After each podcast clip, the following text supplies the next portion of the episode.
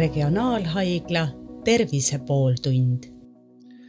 tervist, minu nimi on Hando Sinisalu, te kuulate Regionaalhaigla Tervise pooltundi ja hemofiilia päeva puhul räägime ühest üsna haruldasest vere hüübimise haigusest, mille nimi on von Willebranti tõbi. von Willebranti tõbi on oma nime saanud avastaja Erik Adolf von Willebranti järgi. tuhande üheksasaja kahekümne neljandal aastal jõudis väike viieaastane tüdruk Helsingi haiglasse doktor von Willebrandi juurde, kes märkas ebatavalist veritsusprofiili doktor uuris tervet suguvõsa, kus oli kuuskümmend kuus liiget ning jõudis järeldusele, et tegu on teistsuguse hüübimisprobleemiga kui varasemalt kirjeldatud hemofiilia.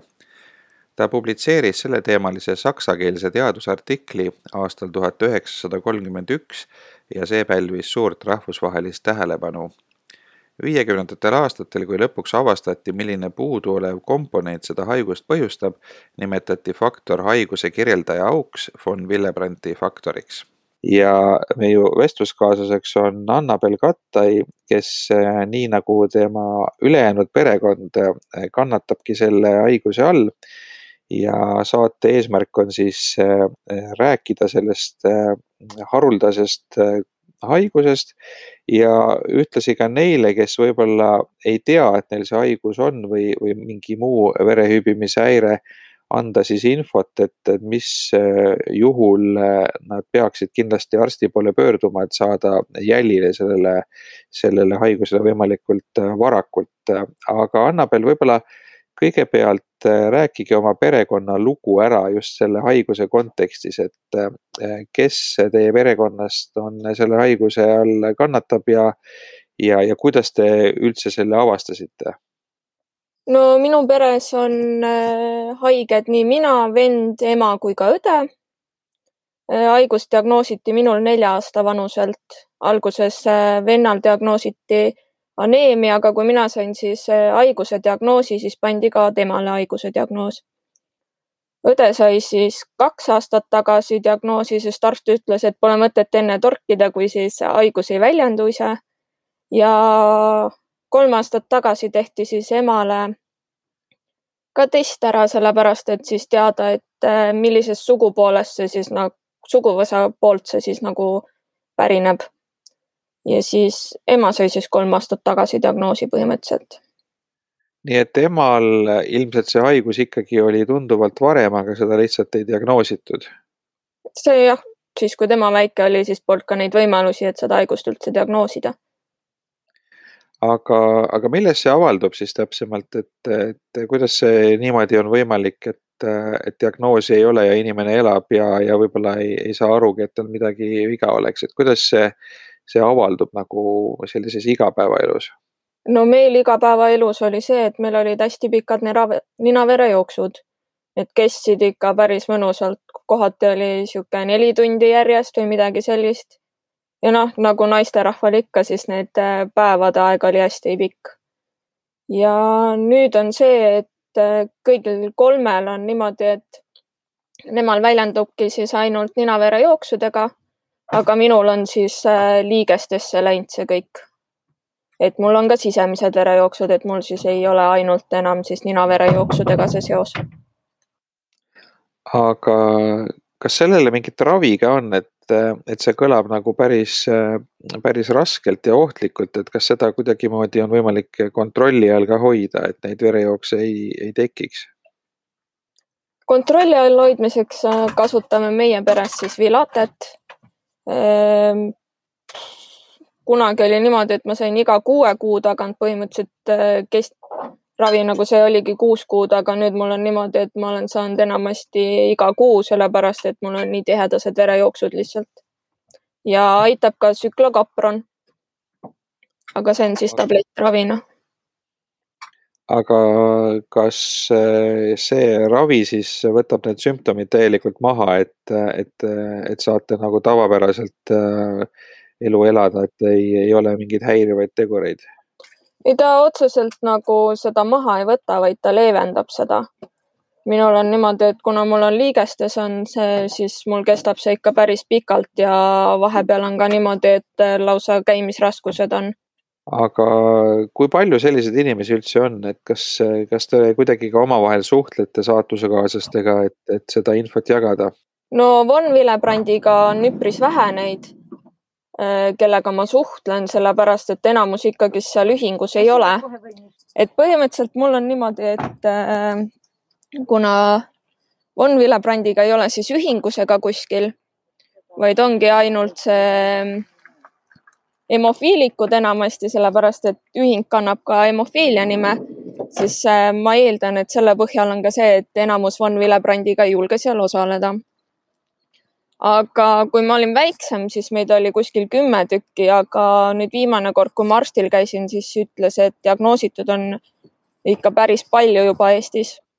aga neid on siiski vähe aga mille poolest see haigus siis hemofiiliast erineb, et äh, hemofiilia, eks ole, teatavasti on, on levinud verehüübimise häire.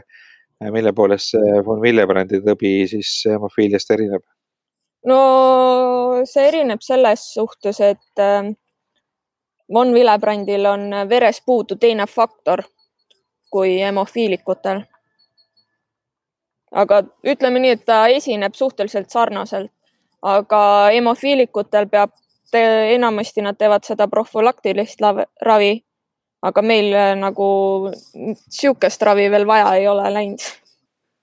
lisan siia juurde ka doktor Mariken Rossi kommentaari, kes ütleb niimoodi, et veritsuse mehhanismid on erinevatel von Willebrandi tüüpidel mõnevõrra erinevad, nagu ka hemofiilialgi ja see sõltub haiguse raskusastmest liigese ja lihasesisesed verejooksud on von Willebrandi puhul pigem harvemad juhtivad sümptomid on seotud limaskeskade veritsusega, nagu näiteks ninaverejooksud, igeme, hamba, mandlite või adenoidi eemaldamise järgselt, rasked menstruatsioonid ja sünnitusjärgne veritsus.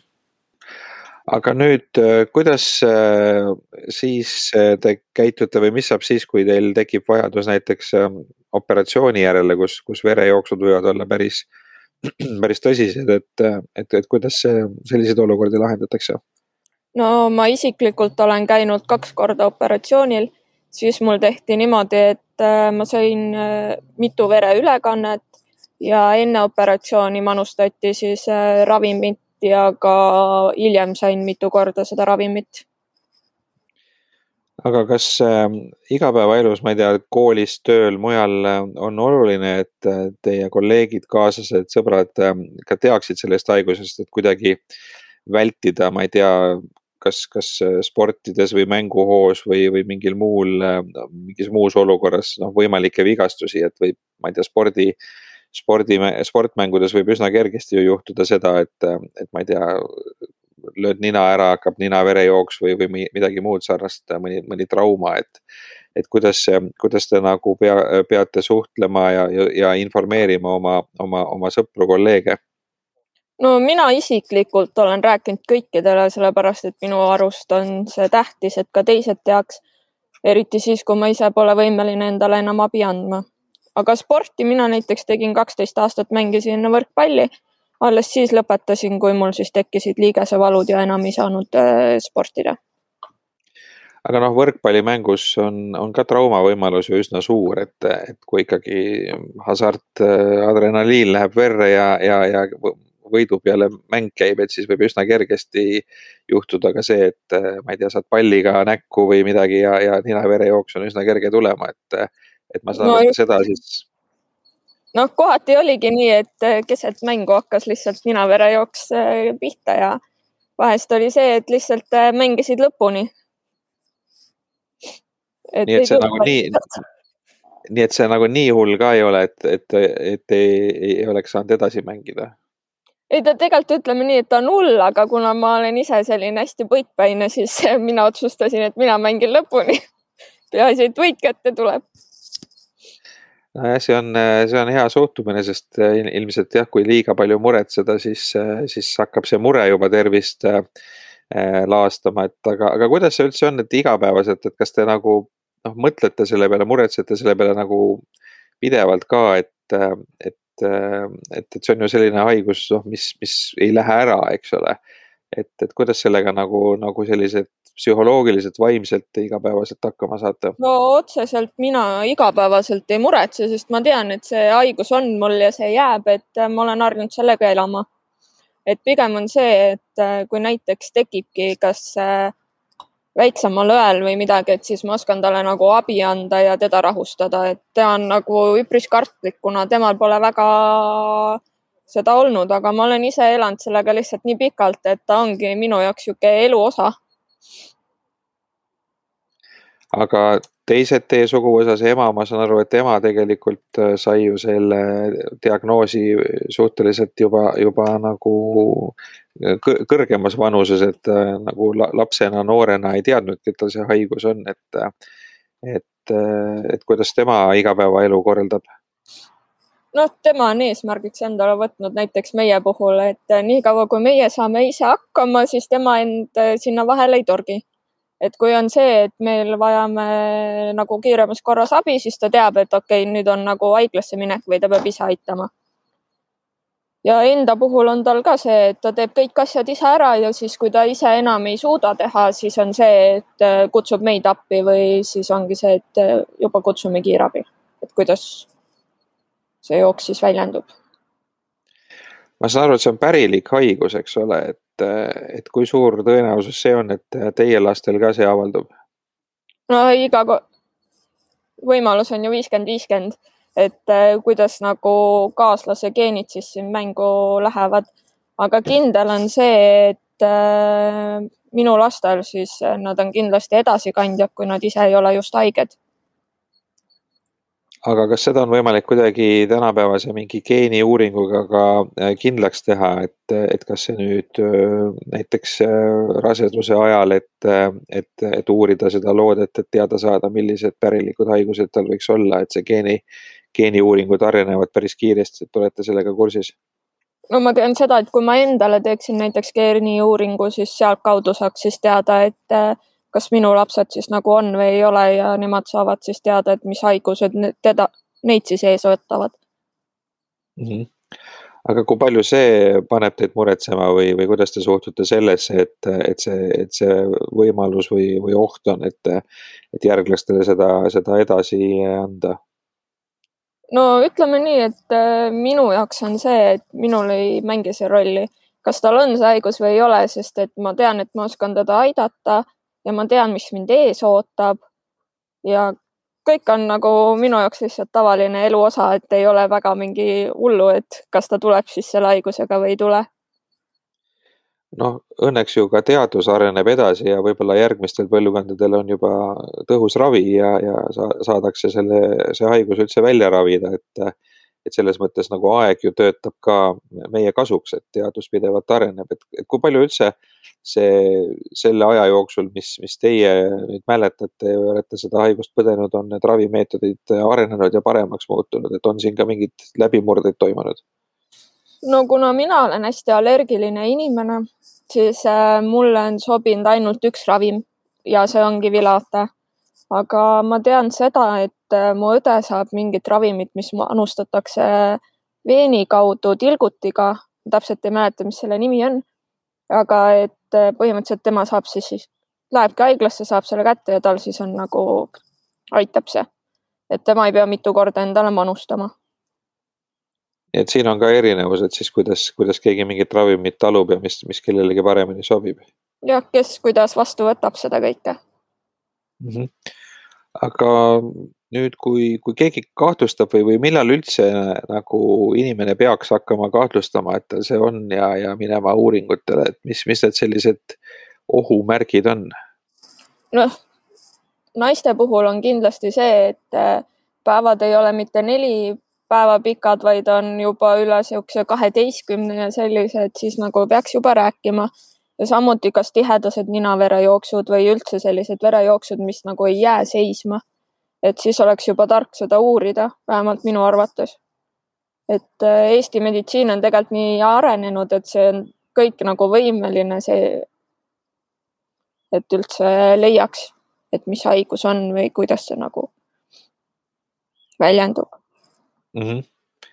Aga nüüd, kui, kui rääkida veel nendest võimalikest ohtudest, et, et kui, kui kellelgi see haigus on ja ta, ta ise ei, ei tea, et tal see on, et mis, mis need ohud sellega kaasnevad, et et, et kui diagnoosimata inimene nüüd, ma ei tea, satub õnnetusse, oletame, on autoavarii või mõni muu trauma, et mis, mis siis kõik juhtuda võib seal?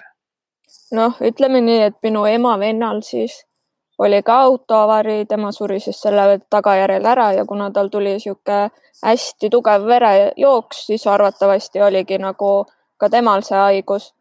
et põhimõtteliselt, kui sa nagu ei tea ja sul abi ei ole koheselt võtta, siis sa võidki lihtsalt selle verejooksu kätte ära surra seal nii et, et, et see tähendab siis seda, et, et, et see olukorras, kus, kus seda pole diagnoositud, siis siis eh, see verejooks võib olla nii tõsine, aga nüüd, kui, kui, kui on teada see diagnoos, kui, kui arstid ja päästjad teavad, et eh, sellel õnnetusse sattunud inimesel on see tõbi, et kas nad saavad siis kuidagi teistmoodi käituda või, või, või siis eh, ma ei tea, mingit ravimit manustada või, või mingeid abinõusid tarvitusele võtta, et see verejooks nii ohtlik ei ole? noh, hetkel on see, et ega kiirabidel neid ravimeid ei ole, et see on võimalik saada siis ainult haiglas ja hetkel vist on ainult PERHis ja Tartus, kui ma ei eksi. et kuskil mujal on nagu otsest seda ravimit ja seda ei ole. võib-olla on ka kuskil mujal. aga selles suhtes jah, et sul peab olema kas endal see ravim kogu aeg kaasas või siis äh, kas mingisugune pass, käepael, mida iganes, et äh, kiirabi teaks sind aidata aga temal aitab ka siis ainult see, et äh, autosse ja vilkuritega siis äh, haiglasse. aga kuidas, kuidas üldse ära tunneb eh, selle inimese, kellel see, see haigus on, et, et kui, kui nüüd ma ei tea, ongi, ongi kiirabi või, või ma ei tea, kasvõi eh, kaasinimesed eh, näevad hätta sattunud inimest, et, et kuidas seda teada saab, et tal see tõbi võib olla ja kuidas siis käituda, et kas teil on jah, mainisite seda passi, aga kuidas nüüd, kui meid kuulavad siin, siin nii-öelda lai avalikkus ja, ja, ja, ja nad ei tea sellest midagi, et kas on mingi, mingi koht, ma ei tea, ongi randmepael või pass või et kuidas nad nagu aru saavad, et, et sellele peaks tähelepanu pöörama? no meil hetkel ongi ainult pass, et meil randmepael, aga midagi pole nagu välja mõeldud veel. aga ütleme nii, et tavainimene ei saagi aru, et sul üldse mingi haigus on, sest et reaalselt sa oled ise ka niisugune tavainimene teiste jaoks, et kui keegi ei tea, et sul see haigus on, siis ega nemad ka seda ei oska arvata kuidagi. et ega see nagu inimest teistsuguseks ei tee. seda küll, aga ma mõtlen just õnnetuse korral, et, et noh, et ma ei tea, ma kujutan ette, et oled koos matkal või spordid ja siis juhtub mingi trauma ja hakkab verejooks, et kui, kui sa üldse ei tea, et see võiks ohtlik olla, siis võib-olla ei pööragi teised tähelepanu. No selles nagu... suhtes, et äh, kui sa oled nagu just matkal või kuskil teed sporti, mis iganes, sul on vähemalt alati üks inimene, kes teab su kohta midagi. Okay. ja kui ei olegi, siis sa pead sellest ise märku andma, et äh, kui midagi juhtub, siis sa oled valmis äh,, on teised nagu valmis andma sulle abi, kui sa ise ei ole selleks võimeline jah, see on hea point ja noh, ilmselt niimoodi äh, lihtsalt tänaval seda, seda, see juhtumise tõenäosus on väike, aga jah, nüüd kui kiirabi, kui juhtub mingi tõsisem õnnetus ja kiirabi tuleb, siis kuidas kiirabi aru saab sellest? no minul on äh, enamasti ju helistanud ema ja niimoodi ja ütleme, et see maakond, kus mina elan, et siin juba kiirabi teab mind. Aga kui tuleb kuskilt kaugemalt, et siis tuleb ikkagi seletada ja enamasti on see, et ütled, et see väljendub umbes samamoodi nagu hemofiilia, siis kiirabi teab umbes, kuidas ta peab reageerima, sellepärast et von Willebrand ei ole nii levinud ja enamus meditsiinitöölised siis ei tea üldse, mis see nagu endast kujutab. kui see, kui see on nüüd äh, selline pärilik haigus, äh, siis kas, kas te olete mõelnud ka äh, kui kaugele tagasi see teie suguvõsas ulatub, et, et, et noh, suure tõenäosusega ju siis teie, ma ei tea, vana-vanaematel ja, ja veelgi kaugemale võis ka see haigus juba olla või on see midagi, mis võib ka elu jooksul nagu tulla, et, et kust see, kust see nagu alguse saab, kas te seda olete ka uurinud? no nii palju, kui me teame, siis see tuleb ema suguvõsast ja see vana-vanaisal siis oli ka see, aga kaugemale me hetkel ei tea, et seda ei ole niivõrd uuritud. et selleks tulebki siis anda mingid geenitestid, asjad, et nad saaks üldse siis nagu suguvõsa poolt uurida ja asju aga suur tänu, Annabel Kattai, et äh, jagasite oma, oma äh, kogemust äh, teistega ja loodetavasti sellest on nii palju abi, et nüüd, kui meie kuulajad puutuvad selle haigusega siis kokku, kas siis nad näevad kedagi hädasolijat või, või ise kahtlustavad, et neil see võib olla, et nad siis oskavad, oskavad pöörduda õigesse kohta ja, ja teavad, kuidas käituda. igal juhul suur tänu teile. aitäh